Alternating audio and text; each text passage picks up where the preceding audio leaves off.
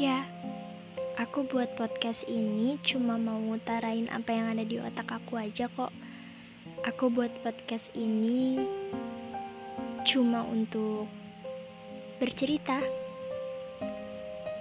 Karena bercerita menjadi jalan untuk siapa pun yang ingin berteriak tapi tertahan. Semoga kalian suka ya sama podcastku. Ya walaupun isinya